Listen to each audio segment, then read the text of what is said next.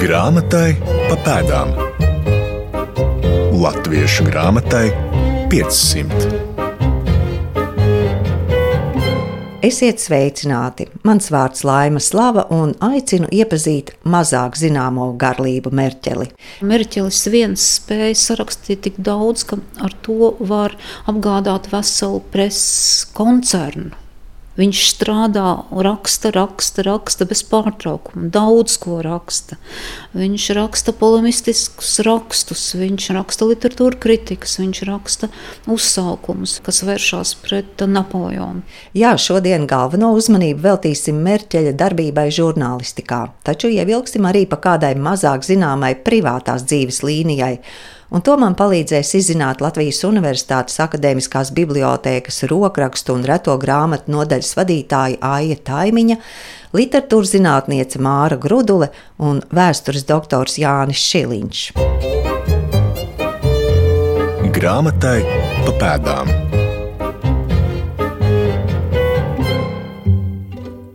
No 1796. Desmit gadus garlības Merķelis uzturējās Vācijā. Veimārā iepazinies ar ievērojumiem vācu vēlās apgaismības laika literātiem, arī ar Johanu Gotfrīdu Herderu. Šeit kļūst par žurnālistu Veimāras laikrakstā Der Deutsche Merkur. Pēc dažiem gadiem pārceļas uz Berlīni, kur nodarbojas ar publicistiku un izdevēju darbību. Strādājis redakcijās, izdevis vairākus literārus laikrakstus. Sarunu par mērķeļa darbošanos žurnālistikā iesāku ar Māru Gruduli. Man bija interesanti uzzināt, ka Mērķis ir tik daudz ar žurnālistiku nodarbojies. Jā, jā, to viņš darīja gan būdams Vācijā, gan arī uh, Baltijā. Protams, viņam bija arī savs preses izdevums. Un, uh, kā tad, jo es domāju, priekš Mērķa temperamenta un arī viņa skaidrajiem, asajiem uzskatiem bija absolūti nepieciešama, lai būtu arī tribīne. Jo, nu, tu pie sevis, bet, ja tas ir avīzē, tad uh, ir plašam lasītājam lokam iespējams iepazīties ar to, ko Mērķels domā. Un, protams, ka bija dedzīga doma apmaiņa, un nevienmēr viss tie, kas izlasīja Mērķeļa idejas, bija arī apmierināti. Viņš arī bija diezgan kategorisks un arī nesaudzīgs pret saviem laika biedriem un arī pret uh, dzēniekiem, kuri varbūt pārstāvēja ne to stilistiku, ne tās idejas, kas Mērķeļa Merķelim šķita simpātisks. Merķelis radīja sāpīgs pārdzīvojums, ja mēs runājam par Baltijas vācu dzinieku Belendorfu, par kura dzējām viņš rakstīja diezgan iznīcinošas kritikas. Belendorfs jau tā bija nestabils psihisks cilvēks. Es domāju, ka tās Merķeļa recenzijas atstāja viņa graujošu iespaidu, tikai tāpēc, ka Merķelis nesaprata tādu dzēju, kā rakstīja Belendorfs. Aija Taimiņa jau minēja 19. gadsimta beigu vācu publicista Jūlija Ekārta izteikumu, ka Merķelis viens spēja sarakstīt tik daudz, ka ar to var apgādāt veselu preses koncernu. Viņš raksta daudz, raksta uzsaukumus, feļetonus, literatūra kritikas. Vācijā viņš atrodas diezgan ilgus gadus. Un tās viņa saiknes ar literāro, zinātnē, literāro pasauli, un teātrus pasauli un, un vispār šīs sociālās saites ir ārkārtīgi interesantas. Tāpēc mēs nevelti runājot par Merķelu, reiz atduramies pret lieliem vācu mm, klasicismu vārdiem - Herders, Vīlāns, Betikers, Elīze Fonderek. Viņa tūs draugs ir Herders, varbūt, un viņas sieva Karolīna dzīves garumā. Cits jautājums ir atkal par to, kā viņš izturējās pret šiem saviem literārajiem amata brāļiem, vācu rakstniekiem, klasiķiem un romantiķiem. Nu, lūk, un tā ir tāda tēma, uz, ar ko var pasīties šobrīd ar tādu nelielu ironiju, jo jāatcerās Krišana Valdemāra vērtējumu Un Krišāns Valdemārs rakstā, mums ir pilnīgi vienalga, kāds Merķelis bija, kā literatūras kritiķis vai kā publicists. Mums svarīgi ir tas, ka viņš ir latviešu brīvības apustulis. Un šajā Krišāna Valdemāra citātā atklājās divas ļoti interesantas lietas. Pirmkārt, Merķels tiek nosaukts par latviešu brīvības apustuli, iedomājieties, apustulis. Un otrkārt, Valdemārs saka, mums ir vienalga, kāds viņš bija kā literatūra kritiķis. Bet tad, kad to atšķetina, tad tas, kas bija vienaldzīgs jaunatviešiem un tas, kas bija vienaldzīgs Krišņam Valdemāram, ar šo Krievijas impērisku orientāciju un vēlēšanos latviešu padarīt par nāciju. Tas mums vairs nav vienalga. No kurienes rodas raksturojums brīvības apustulis? Merķels kā latviešu brīvības apustulis. Šādu te apzīmējumu Merķelim ir piešķīris kāds ironisks, ārkārtīgi ironisks un kodīgs dzējolis, kas savukārt ir tapis tādēļ, ka Merķelis kā literatūra kritiķis ir asi, kodīgi un pat varbūt zemiski izturējies pret saviem vācu kolēģiem Berlīnē. Un šim epitetam nav saistības ar to, ka Merķels ir kaut kādā veidā cildināms par saviem nopelniem. Latviešu labā. Nē, tas ir ironisks ceļš, kas atklāja to, cik Merķels ir teiksim, bijis nesimpātiska persona ārkārtīgi pašapmierināts, ārkārtīgi pozicionējis sevi kā pravieti, kā vienīgo patiesības nesēju. Un tā skaitā visi šie vācu liter, spožās liter, literārās aprindas viņi uztver vienkārši kā neciešamu, neobjektīvu, ļoti asu un nepatīkamu žurnālistu. Un ironiski nosauc, nu, tu no latviešiem nācis latviešu brīvības apustulis. Tu sev par tādu uzskati, tu cūkoties esi atnācis īstenībā. Tāds ir šāda soneta saturs. Un uh, tam, kā Merķeli apzīmē 19. gadsimta sākumā, faktiski nav nekāda sakara ar šo latviešu jautājumu un zemnieku jautājumu vidzemē vai Krievijas impērijā. Tam ir sakars ar neaprakstāmi asu publicistiku saistībā ar literatūras teoriju, romantismu, klasismu, sadursmes jautājumiem, literāro gaumi. Publicistika, kas risinās Berlīnas laikraksta lapās pāris gadu laikā. Tur viņš iemanto šo te, mm, nemīlestību. Literatūra kritika kā kaujas lauks.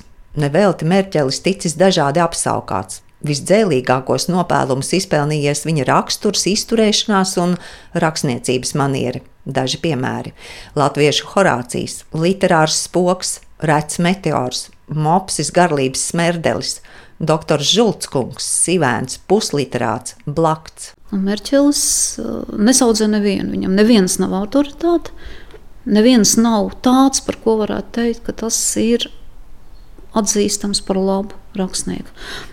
No citas starpā mūsdienu vācu literatūra vēsture atzīst, ka Merķels ar šādu pieeju ir iedibinājis to, ko mēs mūsdienās pazīstam kā mūsdienu žurnālistikas stilu. Nu, vai tā ir publicistika, vai tā ir dzeltenā presa, uz robežas, dažreiz viens, vairāk, dažreiz otrs mazāk, bet Merķelim šī atklātība un asums piemīt.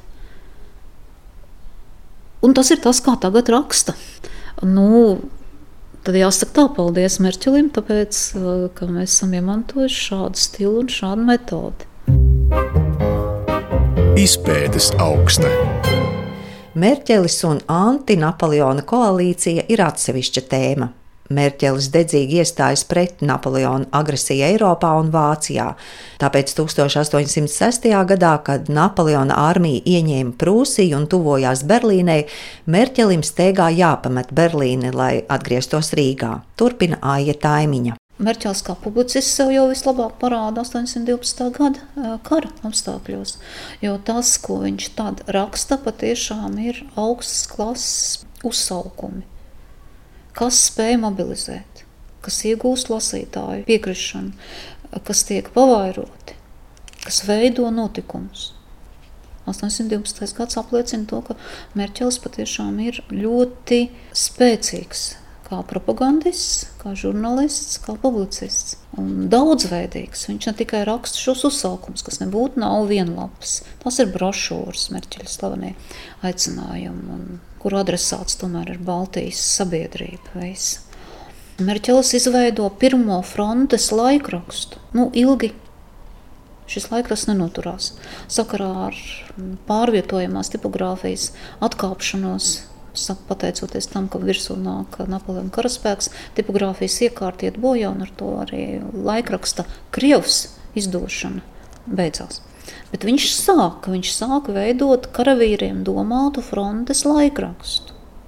Tur var daudz ko piebilst par to, kā Merķeļa operatīvā informācija par kara darbību veicina diplomātiskas norises. Kā tās kalpo šīs informācijas publikācijas 812. gada presē kalpo noteiktu diplomātisku norišu realizācijai. Merķeli kā bīstamu spēku novērtē kā bīstamu propagandistu un bīstamu politisku personāžu. Novērtē arī Napoleona karaspēks un nepavēlti uz pie viņa ierodās tie, kas grib atrast viņu teiksim, tādu slepeno sarakstu. Bet Merķels ir, tad ir teiksim, aizbēdzis prom no Rīgas, skaidri apzināmies to, kāda draudu viņam varētu būt. Grāmatai pa pēdām. Turpmākajos gados Merķelis izdeva Baltijas provinču laikrakstu Ozze Provincenblatt, ko vēlāk pārdevēja par provinciālu blatu für Kur, Līvu un Estlandu. Bet dzīves nogali Merķelis vadīja ģimenes lokā Depkina muižā, Katlakalnu draudzes novadā pie Rīgas. Nu, Ja man būtu jāizvēlās, tad man lielāko prieku dara tomēr saimniekošana Nepkina mūža laukos. Un saimnieko viņš labi, un viņš saimnieko labi, viņš izmanto algotu darba spēku, viņam ir algāģi, tad reiz ir jāsaka tā, tajā ziņā visu cieņu, dzim cilvēku viņam nav, bet tajā laikā dzimbušana jau ir atcelta vidzemē, un Algāčs pie viņa strādā. Viņš ir bijis stingrs un diezgan neiecietīgs kā saimnieks. Bet viņu ļoti interesē dažādas tehniskas inovācijas. Merķeļa pēdējais iespiestais darbs ir nevis par dzimbūšanu, nevis par politiku, bet par sienu kaltēšanu. Par to, ka Baltijas apstākļos, un viņam ir pilnīgi taisnība, būtu vajadzīgs atteikties no nevis siena, bet graudu nu, graudaugu labības kaltēšanas gubās, bet pāriet uz to, ka labību kaltē tādos statņos, kas ir novietoti zem vaļējām nojumēm, zem jumta. Ļoti saprotams mitrā laikā kāds ir Baltijas klimats. Merķelim ārkārtīgi interesē jauna lauksaimniecības tehnika. Viņš patiešām savā laikrakstā apraksta dažādas ierīces. Viena no tām ir jauna veida pļauju Tad viņš interesēs par jaunām lauksaimniecības kultūrām. Viņam ir korespondenti. Viņam pašam tas šķiet pietiekami svarīgi, lai pie šī jautājuma atgrieztos vismaz divkārt. Par to stāstīt, kā mazstraupē Barons Mejendorfs ir izveidojis paraugu saimniecību. Šajā paraugu saimniecībā ir uzaicināti holandieši. Šie holandieši iekārto paraugu laukus linu, kaņepju audzināšanai. Holandietis tur strādā, dzied holandiešu dziesmas un māca latviešu bērniem kas arī iesaistās šajos lauku darbos, holandiešu dziesmas un savstarpēji. Savukārt šajā paraugu saimniecībā, kā uz mācību, saimniecība dodas no citas apkārtnes un pat no Krievijas dažādi cilvēki, kuriem ir interesanti, kā linu audzēšana, kaņepju audzēšana ļoti būtisks nozars saimniecībā tam laikam. Dara holandieši. Viņu patiešām interesē dzīve, viņu interesē saimniekošana, viņu interesē tāda mm, moderna uh, skaista, interesanta, efektīva lauksaimniecība, arī rūpniecība un sadzīve. Viņš par visu to tādu ļoti dzīvi, uh, dibināti un ļoti, teiksim tā, korekti interesējas pat ar, zinām, profesionālitātes pieskaņu. Viens no viņa interesantajiem tematiem, piemēram, arī stāsts par to, ka mums ir vajadzīgs izbūvēt dzelzceļa līniju no Rīgas uz Jālgavu. Cik tas būs ērti, ātri, efektīvi un veiksmīgi. Tas ir 836. gads. Man liekas, tas posms arī ir viens no pirmajiem. Jā, bet 20 gadus vēlāk. Apmēram šī pirmā līnija tiek būvēta. Bet Merķels jau 830. gados saka, vajag, vajag dzelzceļu. Eiropā būvēt dzelzceļus. Krievijas impērijā jau ir pirmie dzelzceļi no starp Pēterburgas Rīcina izbūvēt. Mums vajag starp Rīgu un Jāgau. Tad nebūs jābrauc 4-5 stundas diližans. Varēs ātrāk. Šīs ir tās lietas, kas viņu patiešām dedzīgi interesē. Tāda ļoti aktīva, tāda gaiša pozīcija attiecībā uz to, ka pasaule ir jāmaina uz labu visos aspektos. Bet ko varam spriest par Merķeļa izskatu, attieksmi pret tuviniekiem, raksturu jau ieskicējām. Ko mēs par viņu zinām? Mēs jau par viņu neko daudz nezinām, bet nu, ir daži raksturojumi, viņa pretinieku raksturojumi, kas ļauj nojaust, kāds viņš ir izskatījies. Nu, tur ir kodīgi aprakstīts. Maza auguma, drukns vīriņš, tāds būdīgs, ar apaļu seju, ar nu, sakot, apaļiem vaigiem, apņēmīgu asu skatienu. Bet viņš pats par sevi raksta, ka viņš ir ārkārtīgi saurupi dzīvojis, ka viņš ir ļoti vientulīgs un, acīm redzot, nu, liela panākuma pie dāmām diez vai viņam būtu bijuši. Kaut gan tur tādas uh, siltas jūtas pret dažām personām jau tiek izteikts, bet viņš ir ārkārtīgi atturīgs. Un pat viņa daudzajās vēstulēs, kas nu pat uz jubileju ir publicētas, bijušas uh, 140 adresāts šiem viņa vēstulēm, ir. Mēs neatradīsim vairāk par pāris tādām, kur viņš pieskarās jautājumam kaut kam privātam. Viņš pat savu sievu nav nekad aprakstījis vai izteicis kādas siltākas vai uh, mīļākas domas. Vienīgi dažos viņa tādos literāros darbos var nojaukt, ka varbūt tas ir domāts un adresēts viņa sievai, ko viņš apratis atgriežoties šeit, Rīgā. Tā kā ārkārtīgi atturīgi. Mēs pat nezinām viņas izskatu. Skaidrs, ka ne tas, ka viņš kā ģimenes tēvs būs gan bijis ļoti, ļoti rūpīgs un ļoti uh, sirsnīgs. Viņa bērnu dzīves vienmēr ir bijušas ārkārtīgi svarīgas. Viņš ir ārkārtīgi bēdājies, ja tur ir bijuši kādi traģiski un grūti brīži jāpārdzīvo. Tā kā tas gan ir kā ģimenes cilvēks, viņš laikam ir bijis labs. Atklājam tekstus! Nodaļa ievada liels izteiksmīgs attēls. 2019. gada rudenī Rīgā tika svinēta Baltijas apgaismotāja Garlība Mērķeļa 250. jubileja. Tās ietvaros notika startautiska zinātniska konference, Latvijas Nacionālajā bibliotēkā sarīkota oriģināla materiāla izstāde, bet nedaudz vēlāk iznāca izstādes katalogs, kas arī man, veidojot šo raidījumu, sniedz vērtīgu informāciju. Māra Grudule katalogā rāda fotogrāfijas. Šajā krājumā mēs centāmies, lai būtu iespēja skatītājam, bilžu vērotājam salīdzināt un gatavojot katalogu kopā ar Aiju Taimiņu un ar uh, Raimondu Briedu, kultūras akadēmijas profesoru, kurš brīnišķīgi fotografē, apbraukājām tās vietas Latvijā, kur Merķels ir dzīvojis vidzemē. Un tad var salīdzināt, kā tās mūžiņas izskatās šodien. Dažkārt tikai pamati. Jā, tikai pamati un priecājāmies. Bija pavasara, rudens miglas, ka tās iedeva papildus noskaņu un varbūt pievērš uzmanību ainavai. Ne tik daudz tiem pamatiem. Vai, Jā, šai grāmatā arī tas interesantais ir tās fotografijas toreiz un šodien, un ja bija proces. Broces zīmējumi, tad arī tie tika, tika ielikti, lai tas salīdzinājums būtu.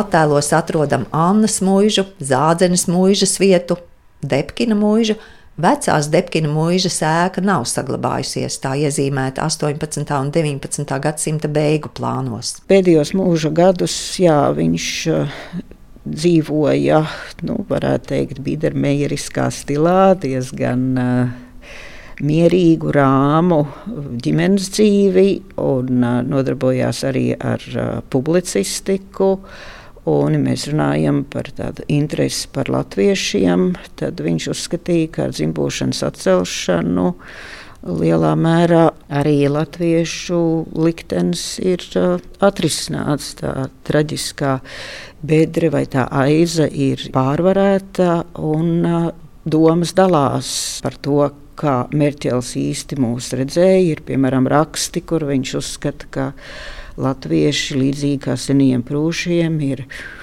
maza tauta, un nezinu, vai būtu iespējams arī teiksim, latviešu valodu vai latviešus kā tautu. Varbūt būtu ekonomiski izdevīgāk pārvācot latviešu līdzīgi kā senie prūši arī asimilējās. Nevis tā, ka tas būtu tāds uh, uzspiests process, bet viņš tāds raksts arī ir, kur viņš tieši velk paralēlus ar senprūšiem nākotnē, ka tas notiks pamazām arī latviešiem emancipējoties, tojoties vārdu sabiedrībā sabiedrībai, viņi ieplūdīs, un tā asimilācija būs pašsaprotama. Tāda viedokļa arī par Merķeli tā viņš rakstīja, bet nu, katrā ziņā iespēju, es domāju, tas bija arī viņa nolūks latviešiem iegūt pašapziņu un domas patstāvību un uh, vienotību, lai cīnītos tālāk, pārvarētu to kārtas priekšstatu par tautu Merķeles iedevu. Svarīgā grāmatzīme. Merķelis apbedīts Katlakā un draudzes kapos, kur Rīgas Latviešu biedrība Merķeļa simtgadē uzstādīja kapa pieminekli. Kopsavilkumu par garlību mērķeli arī šajā reizē sniedz vēstures doktors Jānis Šiliņš. Viņu parasti sauc arī par apgaismības rakstnieku, bet uh, patiesībā apgaismība jau tobrīd nu, tā Eiropā ir beigusies līdz Franču revolūciju. Tā, viņš ir tāds pirmais pēcapgaismības vai novēlotais apgaismotais vai tā kā revolucionārais pat uh, rakstnieks un publicists, ne, kuram ir ļoti svarīgi tieši tā praktiskā puse darbība, nevis tur tās kaut kādas lielas idejas un tā tālāk, bet nu, tā kā kā, un arī tās ir svarīgas, bet arī, ka viņas reāli var arī īstenot un realizēt praktiski. Tāpēc viņš arī tos visus darbus raksta tur velta valdniekiem un tā tālāk cerībā, ka tie valdnieki tiešām kaut ko darīs lietas labā. Nu, tas revolūcijas laikmets, viņš lielā franču revolūcija aizsāk šo moderno laikmetu, 19. gadsimtu, kas ir modernizācijas un emancipācijas, jeb atbrīvošanās gadsimts. Un, uh, latviešiem tas ļoti svarīgs, jo šī gadsimtā reāli arī no tā acīm redzami dzimst latviešu nācija. Merķelim, protams, ir ļoti liela nozīme šajā procesā. Vismaz šie latviešu nacionālisti vai nacionālā kustība, tā varētu teikt, viņi ļoti aktīvi izmanto Merķeli. Nevēlt Rīgas Latviešu biedrības pirmais publiskais pasākums arī ir Merķeļa pieminiekļa atklāšana faktiski nu, Katlakalna kapos. Faktiski tā arī tāda pirmā, varētu teikt, gandrīz vai tāda puspolitiskā latviešu tautas manifestācija, ka viņi tādā kolonās dodas uz tiem kapiem, un jūs zināt, cik latviešiem kapi vispār ir svarīgi, un tā visa kultūra un tā tālāk. Tā, tas tāds, redz, ar kapiem visa mūsu tā cīņa sākās. Jā.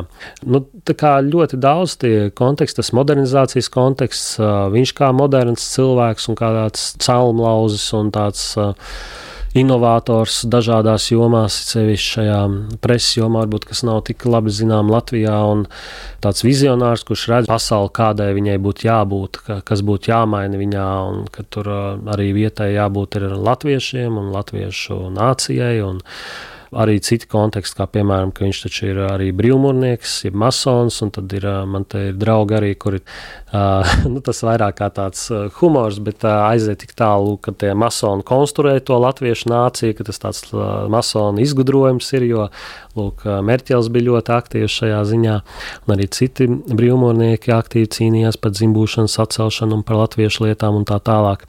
Tā kā, nu jā, to kontekstu ir ļoti daudz, un um, droši vien, kad atklāsies vēl daudz jaunu. Jo, sapcīt, aizmirst piebilst, jā, ka Tartu universitātē jau arī tagad disertācija top Merķeli, tā ka Igauniem arī Merķels šķiet interesants, un pirmā disertācija par Merķeli uzrakstīs nevis uh, latviešu vēsturnieki, bet igauņu vēsturnieki. Tad mēs arī droši vien daudz ko uzzināsim jaunu par Merķeli, un arī būs interesanti redzēt, kā igauņi to visu vērtē.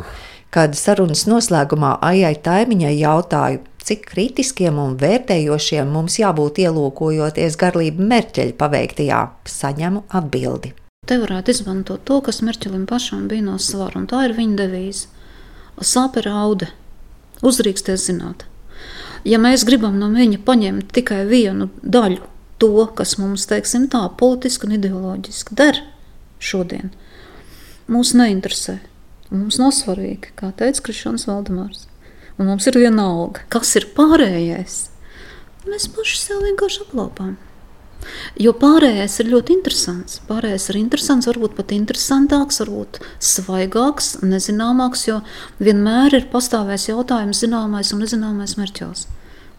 Tā nav jauna nostādne. Tā jau ir pārbaudīta lieta, ka patiešām šī persona ir radījusi tik milzīgu, tik daudzveidīgu uh, mantojumu ka viņu izvērtēt ir ļoti sarežģīts un ļoti problemātisks uzdevums. Un tāpēc, jo vairāk mēs zinām, jo vairāk mēs uzdrīkstamies zināt, un jo vairāk mēs nenoklusējam un nenobaidāmies no tā, kas nebūtu nav ne skaists, ne jauks, ne patīkams, jo labāk ir tam, lai mēs saprastu, kas tad īstenībā ir bijis šī persona un kas ir bijis tas laiks, kas viņu par tādu ir veidojis un kas tie cilvēki, kas ir ap viņu un pret viņu. Uzdrīksties zināt. Ar šādu aicinājumu noslēgsim stāstu par vidzemes lauku mācītāju dēlu garlību Helvigu Merķeli, personību, ko vērts pētīt un pētīt. Šajā reizē īpaši vērsām uzmanību viņa darbībai žurnālistikā. Savus vērojumus un atziņas sniedza Aija Taimiņa, Māra Grudule un Jānis Šiliņš. Izskan raidījums grāmatai pa pēdām. Par tā skanējumu rūpējās Nora Mitspapa, producente Santa Lauga, ar jums sarunājos es Laima Slava. Raidījuma padomdevējs Latvijas Nacionālā un Latvijas Universitātes Akadēmiskā bibliotēka. Grāmatai pa pēdām. Latviešu grāmatai 500.